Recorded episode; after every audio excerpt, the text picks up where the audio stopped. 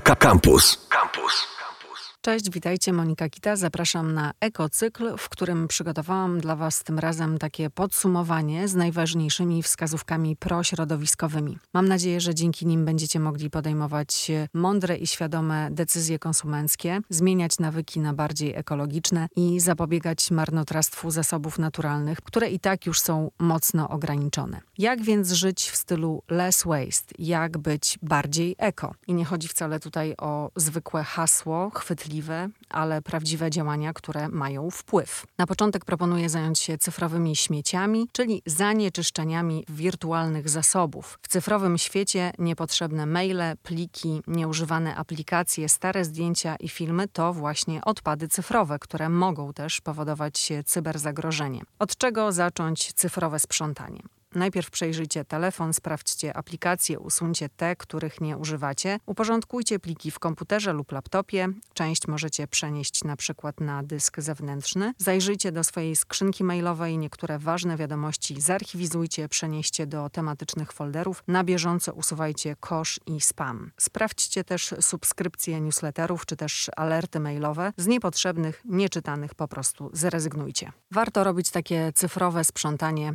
regularnie. Drugie zagadnienie, które chcę poruszyć, to niemarnowanie jedzenia, dlatego że marnotrawstwo żywności to ogromny problem nie tylko środowiskowy, ale też społeczny. Co zrobić, żeby nie marnować? Wystarczy na początek zrobić listę zakupów, przejrzeć zapasy i zaplanować posiłki, sprawdzać też datę ważności do spożycia, odpowiednio przechowywać żywność, robić regularny przegląd szafek w kuchni, zastanowić się, jak nadwyżkę jedzenia można wykorzystać, przetworzyć, zamrozić, oddać czy podzielić się z innymi. Kolejny temat to oszczędzanie energii. Dlaczego o tym mówię? Nie tylko ze względu na to, że ma to związek z ochroną środowiska, ale też e, wpływa na nasze portfele, bo ceny energii wzrosły znacznie. Jakie więc działania wprowadzić w domu? Jak zmieniać codzienne nawyki związane z używaniem energii elektrycznej, które tak naprawdę niewiele kosztują, a można przy tym zaoszczędzić i pieniądze, i chronić środowisko? Bardzo ważna rzecz, ale wymaga przypominania. Chodzi o wyjmowanie z kontaktu ładowarki do telefonu. Pamiętajcie, że po zakończeniu ładowania ładowarki pobierają cały czas prąd. Może są to niewielkie ilości, ale jednak po zsumowaniu tych niepotrzebnych godzin w sieci mogą dać naprawdę niezły wynik, zwłaszcza, że telefon ładujemy prawie codziennie. Równie istotne jest odłączanie sprzętów od prądu, czyli unikanie trybu standby. Jest to oczywiste, ale też o tym często zapominamy. Gdy przez dłuższy czas nie korzystamy z telewizora, sprzętu audio czy komputera, lepiej je odłączyć. To, w jaki sposób użytkujemy sprzęty domowe, też ma wpływ na to, ile energii one pochłaniają. Lodówki na pewno nie powinno się często i na długo otwierać. Wyjątkiem jest oczywiście jej czyszczenie. Nie można do lodówki wstawiać ciepłych potraw, za to najlepiej rozmrażać w lodówce zamrożone produkty, które wchłaniają ciepło. Pralkę i zmywarkę warto wypełniać w całości przed uruchomieniem i stosować energię energooszczędne programy o niższej temperaturze prania czy zmywania z dłuższym cyklem. Podobnie w przypadku piekarnika lepiej go nie otwierać w trakcie pieczenia i wybierać niższą temperaturę na rzecz dłuższego pieczenia. No i na koniec jeszcze słów kilka o prasowaniu. Ci, którzy nie lubią tego robić, e, będą mieć dodatkowy argument. Hashtag niewyprasowani to akcja organizacji WWF Polska. Zachęcali oni kilka lat temu do nieprasowania ubrań, bo to wywiera niekorzystny wpływ na środowisko. Tak więc chodzenie w niewyprasowanych ubraniach jest jak najbardziej ekologiczne. I skoro mowa o ciuchach, to też chcę Wam przypomnieć o tym, co robić z takimi, których nie używacie albo są zniszczone i zalegają w szafie lub w garderobie. Na pewno nie można starych, nieużywanych ubrań wyrzucać do zwykłego śmietnika. Ciuchy nadające się do noszenia możecie sprzedać albo przekazać na cele charytatywne. Polecam organizację Ubrania do Oddania, która za każdy kilogram oddanej odzieży przekazuje złotówkę na konkretny cel. Z kolei zniszczone, zaplamione czy podarte ciuchy najlepiej wrzucić do kontenera. PCK,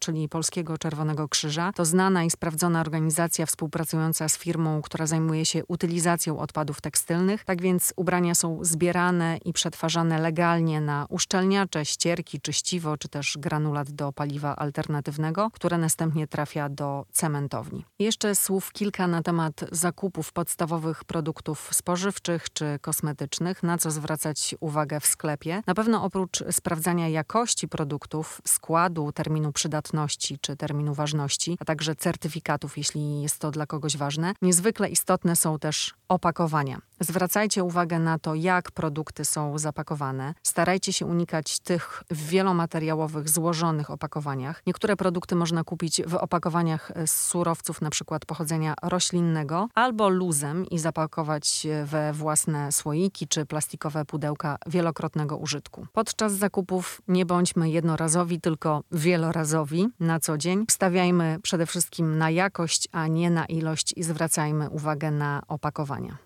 I na koniec jeszcze super ważny wątek, czyli segregacja śmieci, bo przecież każdy produkt, który kupujemy albo posiadamy, jeśli jest nieużywany, niepotrzebny albo się zepsuje wcześniej czy później, staje się odpadem. Tak więc co możemy z nim zrobić? Odpady na pewno trzeba segregować, wrzucać do odpowiednich pojemników, żeby nie zostać dosłownie zasypanym przez śmieci, żeby nie znajdować ich na plaży, w morzu, w lesie, rozrzuconych w parku. Ważne jest przede wszystkim wyrobienie nawyku segregowania i przy tym przypomnę, żeby przed wyrzuceniem śmieci zgniatać je, szczególnie plastikowe butelki, zmniejszać objętość odpadów, opróżniać zawartość opakowań, a najlepiej sprawdzać, czy to, co niepotrzebne, można jeszcze wykorzystać w innym celu, w inny sposób, czy samodzielnie przerobić. I tutaj mamy do czynienia z upcyklingiem, czyli nadawaniem wyższej wartości odpadom i przetwarzaniem ich w przydatne, funkcjonalne rzeczy i przedmioty. Starajmy się na co dzień ograniczać powstawanie odpadów i śmiecić mniej, a przy tym zmieniać swoje nawyki konsumenckie. Świadome i racjonalne podejście do kupowania z pewnością będzie korzystne nie tylko dla środowiska naturalnego, ale też dla naszego zdrowia.